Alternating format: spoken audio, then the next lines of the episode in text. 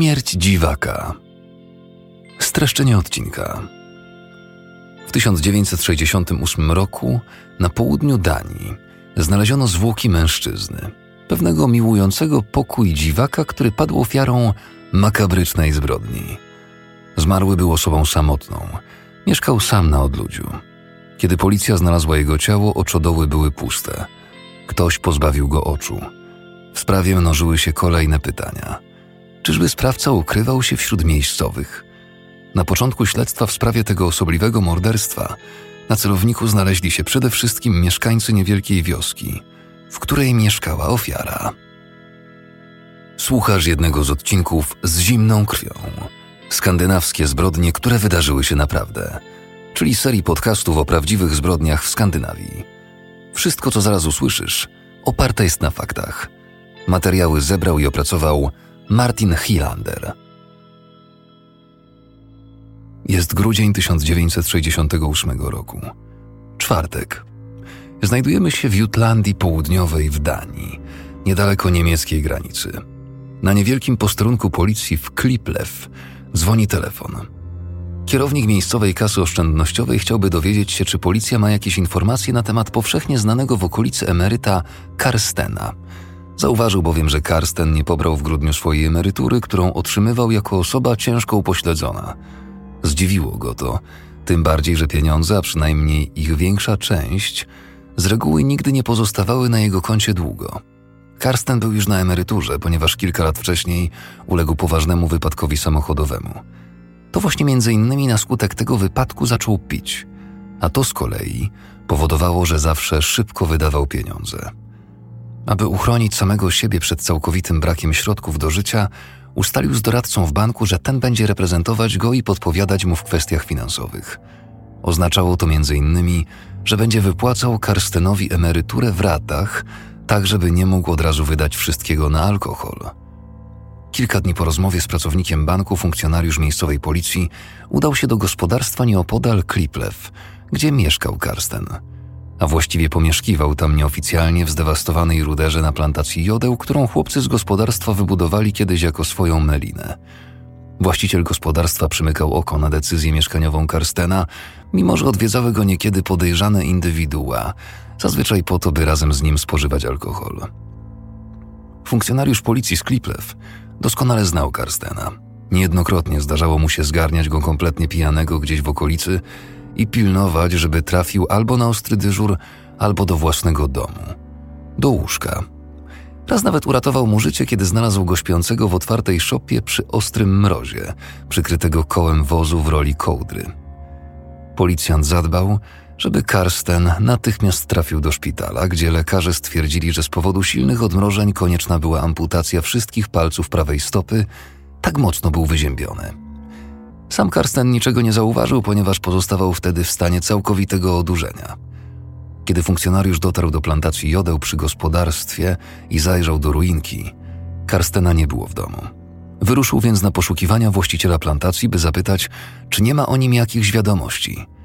Właściciel zaprzeczył, ale kilka dni wcześniej, 24 listopada 1968 roku, zajrzał do szopy i zauważył wiszącą na drzwiach kartkę. Autor wiadomości napisanej dialektem używanym na południu Danii zdradzał czytającemu: Jestem w Alborg. Karsten. Jego nieobecność mogła zatem mieć związek z wyjazdem do Alborg. Kiedy później funkcjonariusz zadzwonił do jego siostry, ta potwierdziła plany Karstena. Policjant wiedział, że kobieta mieszka we Flensburgu, tuż za duńską granicą przeszłości wielokrotnie musiał kontaktować się z nią, kiedy znajdował gdzieś pijanego Karstena albo z powodu jego kłopotów urzędowych. Siostra powiedziała policjantowi, że zaprosiła Karstena, by spędził święta Bożego Narodzenia wraz z nią i jej rodziną we Flensburgu. On jednak odrzucił zaproszenie. Podobno miał inne plany. Zamiast świętować Boże Narodzenie z obcą rodziną, wolał pojechać do Alborg. Po rozmowie z siostrą funkcjonariusz postanowił poniechać poszukiwania Karstena. Wszystko wskazywało na to, że po prostu pojechał do Alborg i tam spędzał święta. Sprawa była więc chwilowo załatwiona. Do połowy stycznia 1969 roku. Kiedy zadzwonił telefon, policjant akurat siedział przy biurku.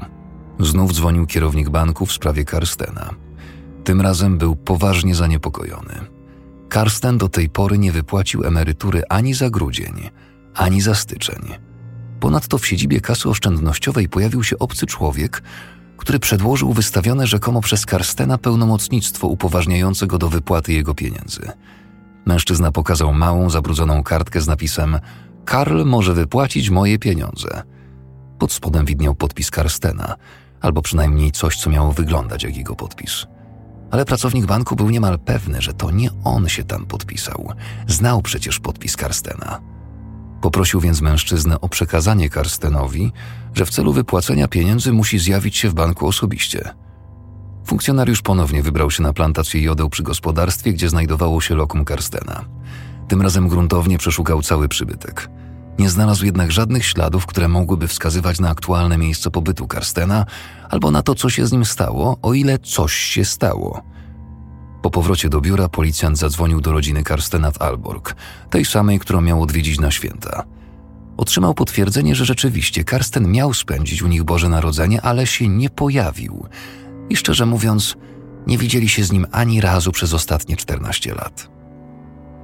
Następnie funkcjonariusz skontaktował się z kierownikiem posterunku w Gresten. Wspólnie zdecydowali o przeszukaniu plantacji wokół mieszkania Karstena z udziałem przewodnika psa służbowego. Rankiem 24 stycznia 1969 roku wszyscy spotkali się na plantacji. Był zimny i wilgotny poranek, typowy dla tej pory roku w Danii. Pomimo ciepłego ubrania funkcjonariusz czuł, że przemarzają mu stopy. Na szczęście pies policyjny dość szybko złapał trop na plantacji. Nie minęło 20 minut, kiedy szczekaniem zawiadomił o znalezisku. Pomiędzy jodłami leżało coś, co mogło wyglądać na człowieka. Podchodząc bliżej, policjanci przekonali się, że mają przed sobą zwłoki Karstena, leżące jakieś 25 metrów od rudery. Dokładne oględziny wykazały, że Karsten leżał na plecach z lewą ręką wyciągniętą wzdłuż tułowia i prawą przyłożoną do twarzy. Choć dzięki niskim zimowym temperaturom zwłoki znaleziono w stosunkowo dobrym stanie, nie był to dla funkcjonariuszy przyjemny widok. Skóra zmarłego była nienaruszona, za to twarz całkowicie zmasakrowana, a z jej wierzchniej warstwy praktycznie nic nie zostało. Ale to nie ten widok kazał jednemu z funkcjonariuszy cofnąć się o krok, lecz oczy Karstena, a raczej ich brak. W funkcjonariuszy wpatrywały się dwa puste oczodoły – Poza tym zwłoki znajdowały się w dość dobrym stanie, ponieważ przykryte były kawałkiem przezroczystego plastiku. Na pierwszy rzut oka nie było widać żadnych śladów, które wskazywałyby, że Karsten padł ofiarą przestępstwa. Funkcjonariusze byli zgodni, że za rany na twarzy zmarłego prawdopodobnie odpowiadają zwierzęta, nie zaś morderca. Jedna rzecz dawała im jednak do myślenia. Zaledwie kilka metrów od miejsca, w którym leżały zwłoki, w ziemi znajdowało się wgłębienie. Wyglądało to tak, jakby ktoś zaczął kopać grób. Jeśli tak było, domniemanego sprawcę prawdopodobnie pokonała zamarznięta ziemia. Inne wytłumaczenie było takie, że Karsten mógł kiedyś sam próbować wykopać tutaj jamę, z jakiegoś powodu jednak zrezygnował. Do czego miałaby mu ona służyć, tego nie wiadomo. Teoretycznie istniała też możliwość, że w pijackim widzie szukał schronienia przed lodowatym wiatrem, ale straciwszy przytomność pozostał na zimnie. Kawałek plastiku przykrywający ciało mógł równie dobrze zostać przywiany przez wiatr. Kiedy policjanci przedstawili raport przełożonemu w Gresten, wszyscy zgodzili się, że w tym przypadku wskazane jest wezwanie na pomoc mobilnej jednostki specjalnej duńskiej policji. Przemawiało za tym wiele powodów. Jednym z nich była kartka z wiadomością, że Karsten udał się do Alborg. Poza tym nie wybrał z banku pieniędzy, tak jak to zwykle czynił – Wreszcie niespodziewane pojawienie się w banku tajemniczego mężczyzny z zamiarem wypłacenia pieniędzy Karstena, prawdopodobnie na podstawie sfałszowanego pełnomocnictwa. Oprócz tego jeszcze jedna rzecz kazała policjantom przypuszczać, że doszło do umyślnego zabójstwa. W pobliżu zwłok znaleziono kurtkę. Niemożliwe, żeby to Karsten ją tam położył. Poza tym stwierdzono brak prawie nowego roweru, który, jak wiedzieli na pewno policjanci, Karsten nabył kilka miesięcy wcześniej. Technicy kryminalistyki pracujący nad sprawą od momentu ujawnienia zwłok ścigali się z czasem. Pod koniec stycznia 1969 roku zaczęło robić się naprawdę zimno. Dokładnie śledzono prognozy pogody, bo nawet cienka warstwa śniegu mogła niemal całkowicie uniemożliwić przeszukanie miejsca ujawnienia zwłok. Do tej pory śnieg tylko lekko pruszył. Jeszcze tego samego dnia o godzinie 20 na komisariacie policji w Gresten zameldowało się pięciu funkcjonariuszy mobilnej jednostki specjalnej. Kierownik komisariatu przez kilka godzin zajęty był wprowadzaniem nowo przybyłych we wszystkie szczegóły sprawy, począwszy od wydarzeń sprzed przestępstwa, aż po odkrycie zwłok Karstena. Na podstawie wskazówek dostarczonych przez zwłoki i znalezionych na miejscu przestępstwa, śledczy z jednostki specjalnej przyjęli założenie, że Karsten zmarł śmiercią naturalną w pijackim widzie. Uzgodnili więc między sobą, że na razie zostaną w Gresten tylko do następnego dnia. Obiecano im, że raport lekarza medycyny sądowej z obdukcji zostanie dostarczony w najbliższe popołudnie o godzinie 16. Nazajutrz była sobota – i choć śledczy z jednostki specjalnej siedzieli już na przysłowiowych walizkach, gotowi by na weekend wrócić do domu, nie chcieli czekać bezczynnie i marnować czasu aż do 16. Jeszcze raz przeanalizowali więc pozornie nic nieznaczące wskazówki.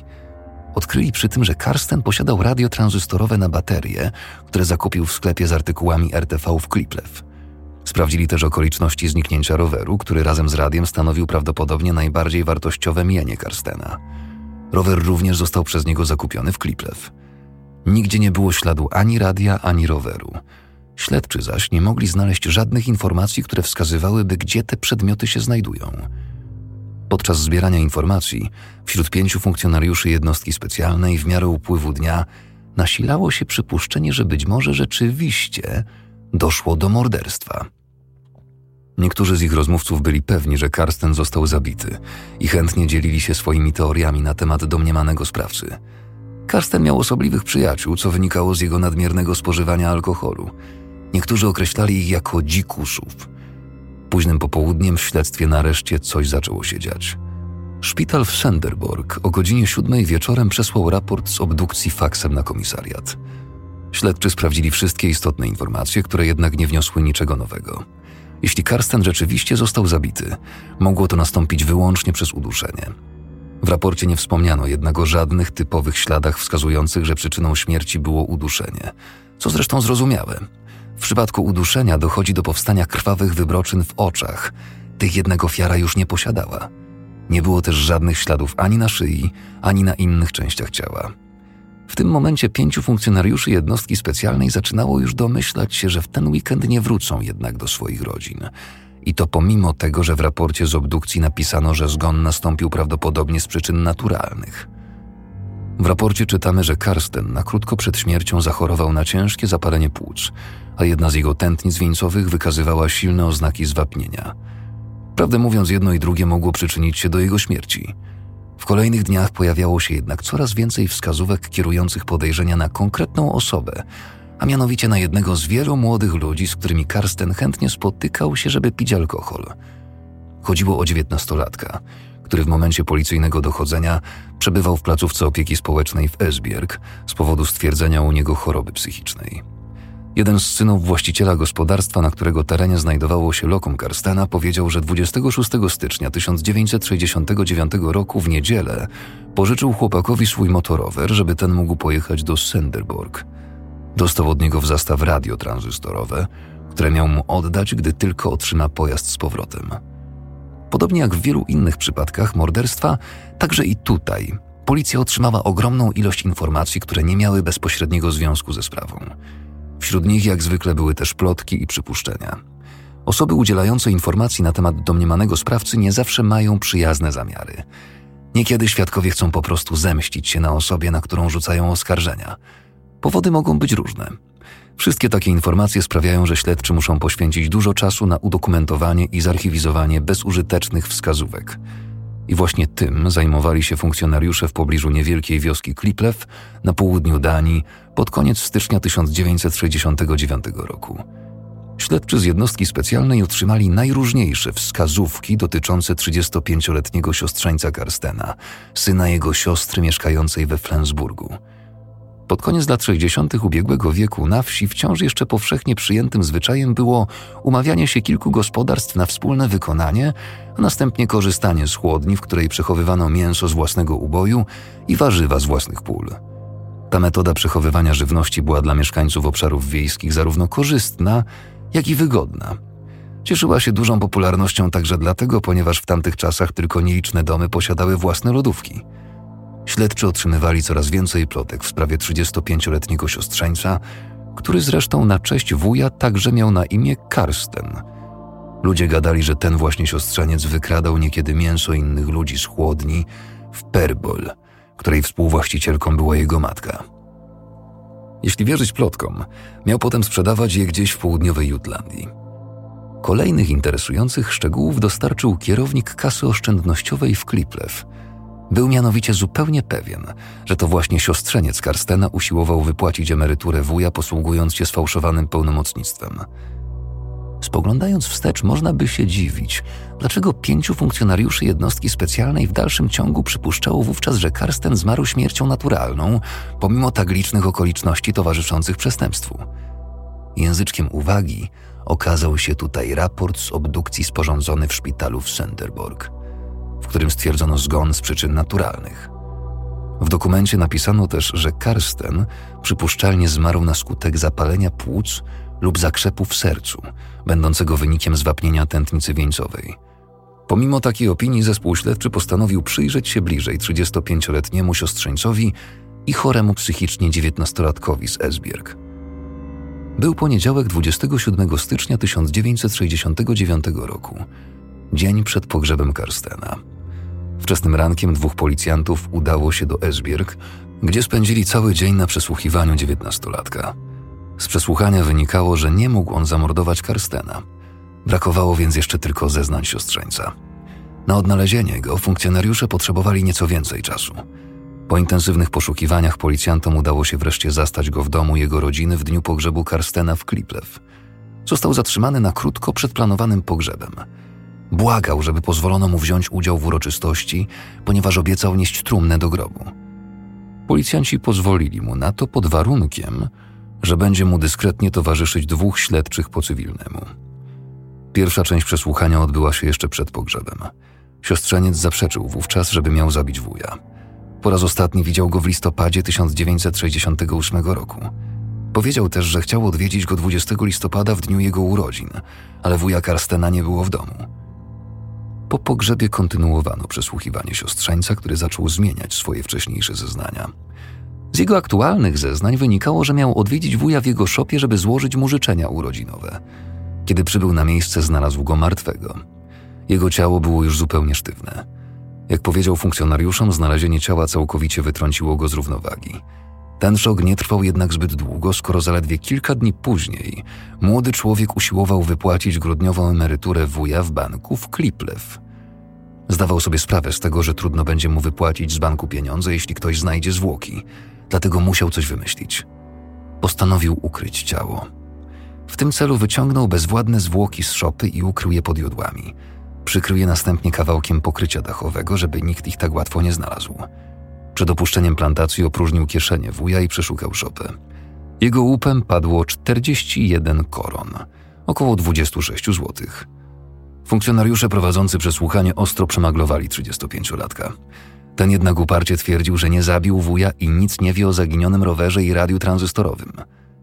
Śledztwo i wielogodzinne przesłuchania siostrzeńca zaowocowały wreszcie pewnym tropem prowadzącym do Flensburga. Nie tylko dlatego, że tam mieszkała matka podejrzanego, siostra Karstena, ale przede wszystkim z powodu byłej żony siostrzeńca. Dwóch śledczych z jednostki specjalnej udało się do Flensburga do domu siostry Karstena. Zastali tam jednak tylko jego dziewiętnastoletnią siostrzenicę – Dziewczyna nie wiedziała nic ani o rowerze, ani o radiu. Powiedziała, że jej matka będzie w domu dopiero następnego dnia. Obaj śledczy wrócili więc do Danii i spotkali się z resztą zespołu w hotelu, w którym zatrzymali się na czas śledztwa. Przy późnej kolacji raz jeszcze omawiali całą sprawę, która zdążyła już w międzyczasie wzbudzić zainteresowanie prasy i mieszkańców. Zdania były w tej kwestii podzielone, ponieważ ludzie mieli bardzo różne teorie na temat śmierci Karstena. To samo dotyczyło zresztą pięciu śledczych – Także w obrębie zespołu różne były poglądy na temat tego, czy Karsten zmarł śmiercią naturalną, czy może w sprawie maczał palce jego siostrzeniec albo jeszcze inna osoba.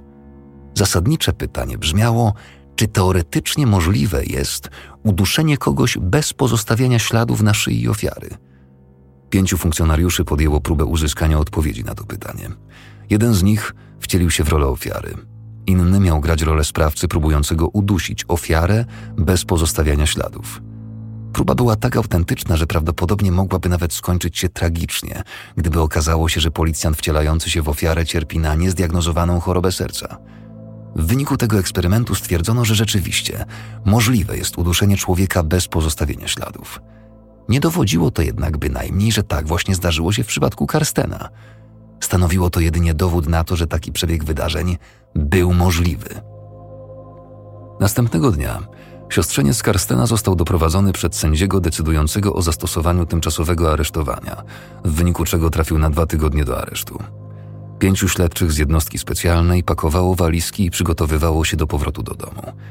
Uznali jednak za wskazane, by przed odjazdem dwóch z nich udało się jeszcze raz do Flensburga i porozmawiało z byłą żoną siostrzeńca.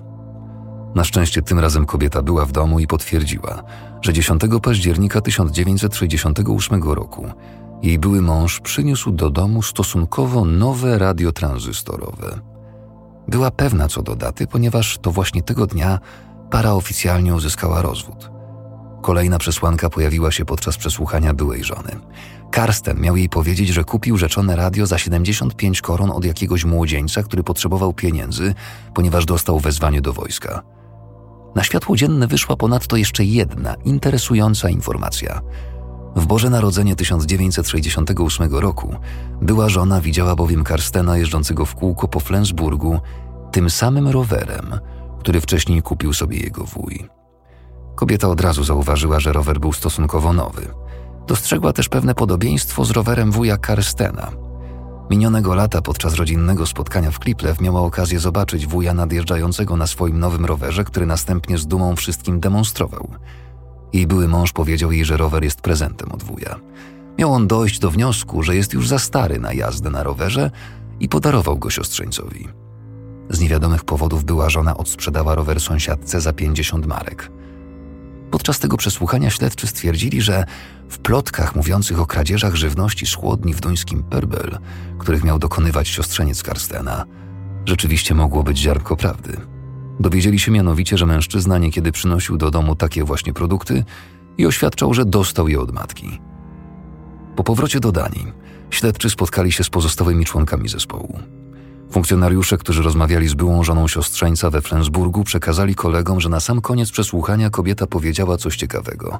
Zdradziła mianowicie, że na kilka dni przed urodzinami wuja Karstena odwiedził ją były mąż. Przybywając do Flensburga, miał przy sobie zarówno pieniądze, jak i papierosy. I to właśnie ją zaskoczyło. Była pewna, że kiedy nieco wcześniej tego samego dnia wyjeżdżał do Kliplew, nie miał żadnych pieniędzy – Kobieta domagała się więc od niego odpowiedzi na pytanie, skąd wziął pieniądze i papierosy. Mężczyzna próbował wmówić jej, że wszystko dostał od wuja.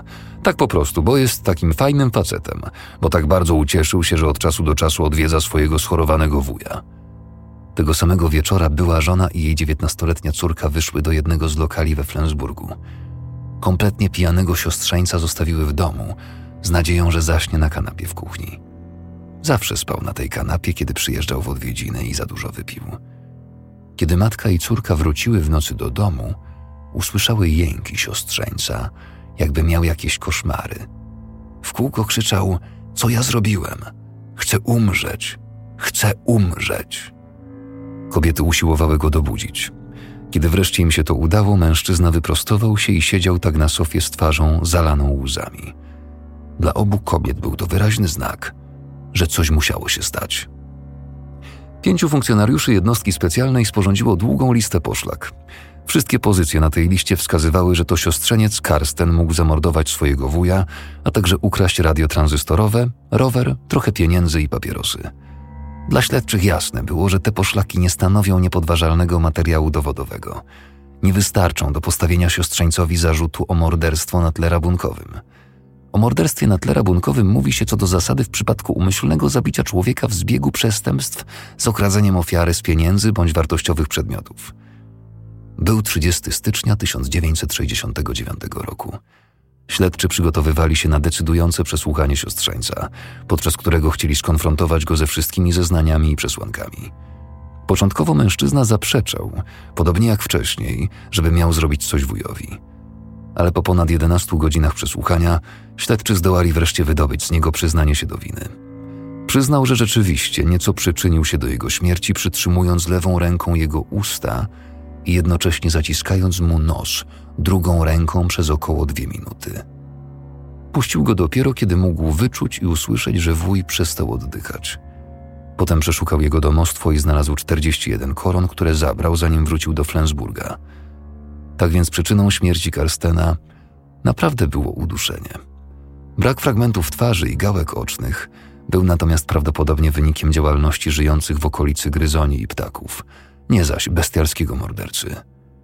Pięciu pracowników jednostki specjalnej zakończyło pracę i w sobotę 1 lutego 1969 roku opuściło Kliplew i południową Jutlandię. Nieco ponad cztery miesiące później, 22 maja, siostrzeniec został skazany przed Sądem Krajowym w Wiborg na karę 16 lat pozbawienia wolności.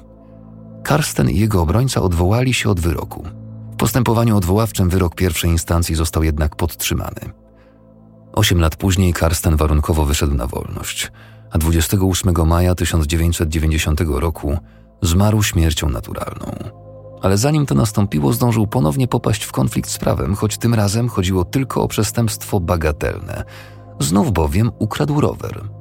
Skończyło się na karze grzywny w wysokości 150 koron, około 95 zł. I tak zakończyła się tragiczna historia osobliwego odludka Karstena. A niewiele brakowało, by jego śmierć uznano za samobójstwo albo skutek alkoholizmu, a całą sprawę odłożono do akt bez wyjaśnienia. Wersja polska, tłumaczenie i realizacja nagrań Robotosound. Czytał Filip Kosior.